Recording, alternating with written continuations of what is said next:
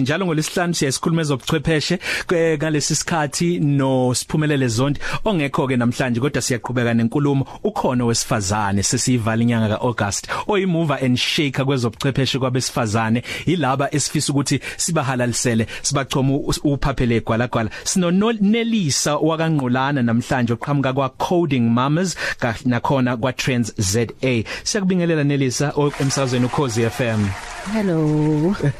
Akhulume futhi ngezwi mic yakho uthi yazwakala yini? Hello. Nazoke nguze impela ke manje.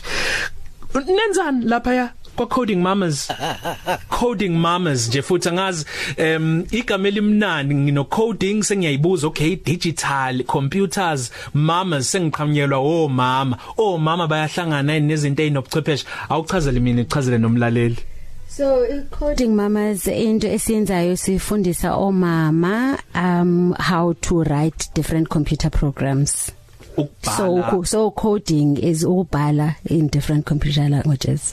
Singathini? Kusho ukuthi labantu laba abakha ingqondo noma ubuchopho becomputer hayi mina ofika isebenzise njengoba ngiyisebenzisa sengithype yeah. No Oh. sitha base back so mawubona i app sifundisa abantu ukuthi bakwazi ubuild iapps ezifana no Facebook no Twitter njalo njalo. So la ka coding mamas iyipi ingcenye yokucoda enifundisa yona wenza izibonelo mhlambe njengoba usebenzisa social media ukuthi into engizokwazi ukuthi oh yilento eyenziwa abantu abacodayo ke le? So for example like u build a website uh and in order to have a website ufuneke uyi build Uh-huh.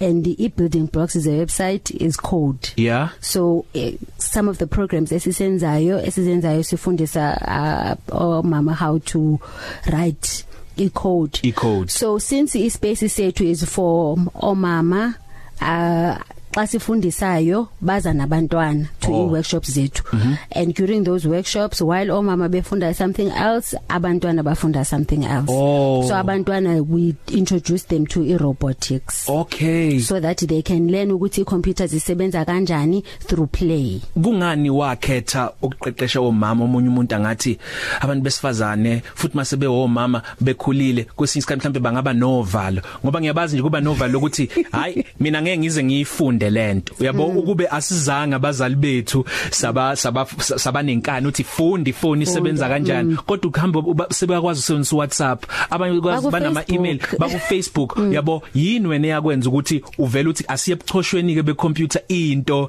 esabalele kangaka? Wakhetha bona omama indaba? Athi nami njengomama Yebo. so as i was learning and ndise classini myself um i found ukuthi in these spaces abekho abanye abantu abafana nami. And in terms of like the questions endizibuzayo and the kind of i environment endifunayo bendingayifumani esikolweni. Yeah. In terms of ukuthi ndifunde in an environment that is comfortable that is free. Yeah. and in in the tech space kwenza ama 24 hour hackathon um all those things. Yes. and it's not flexible for tina mm. so if there's a 24 hour hackathon me now i can't sleep over a university i have kids at home mm. so i wanted to be able to create a space lapho um as mothers we can bring abantwana bethu along because mm. it is we talking about a fourth industrial revolution, Revolution. so in order for us to support abantwana bethu we need to know ukuthi ihamba kanjani this thing? Icoding mamas i- i- i- inabapha abantu aba- abancintisana nayo noma ama- asingathi ngel- ngelimi lesilungu ama competitors nokuthi iziphi inselele ka coding mamas enabo noma enisuke nibaqeqesha abathi banazo mhlambe ekufundeni nasekuqashweni ngalomsebenzi So in terms of e-competitors um zikhona e there's no one specific one. Mm. most of e, e, e organizations as ikhona they mostly deal with women who are already in tech Oh. because you know now when you talk about women in tech a lot of that time are women who are working kwesa space mm. Tina what we're trying to do is we're trying to introduce e-tech as a skill for abantu who are already working who want who want something else um and as well as other unemployed mothers are who are out there because in tech we are, you can work in a very flexible way ungasebenza you ngeindlela can be you can be at sakho. Home all you need is a computer and a reliable internet. Uyangizwa yini lo ngikufakela isizulu ngoba ngiyakubuyisa phela wenelisa ukuthi sisokhozini. Mayi mayi sengcena ukuthi ngize ngilibe eh isona isra.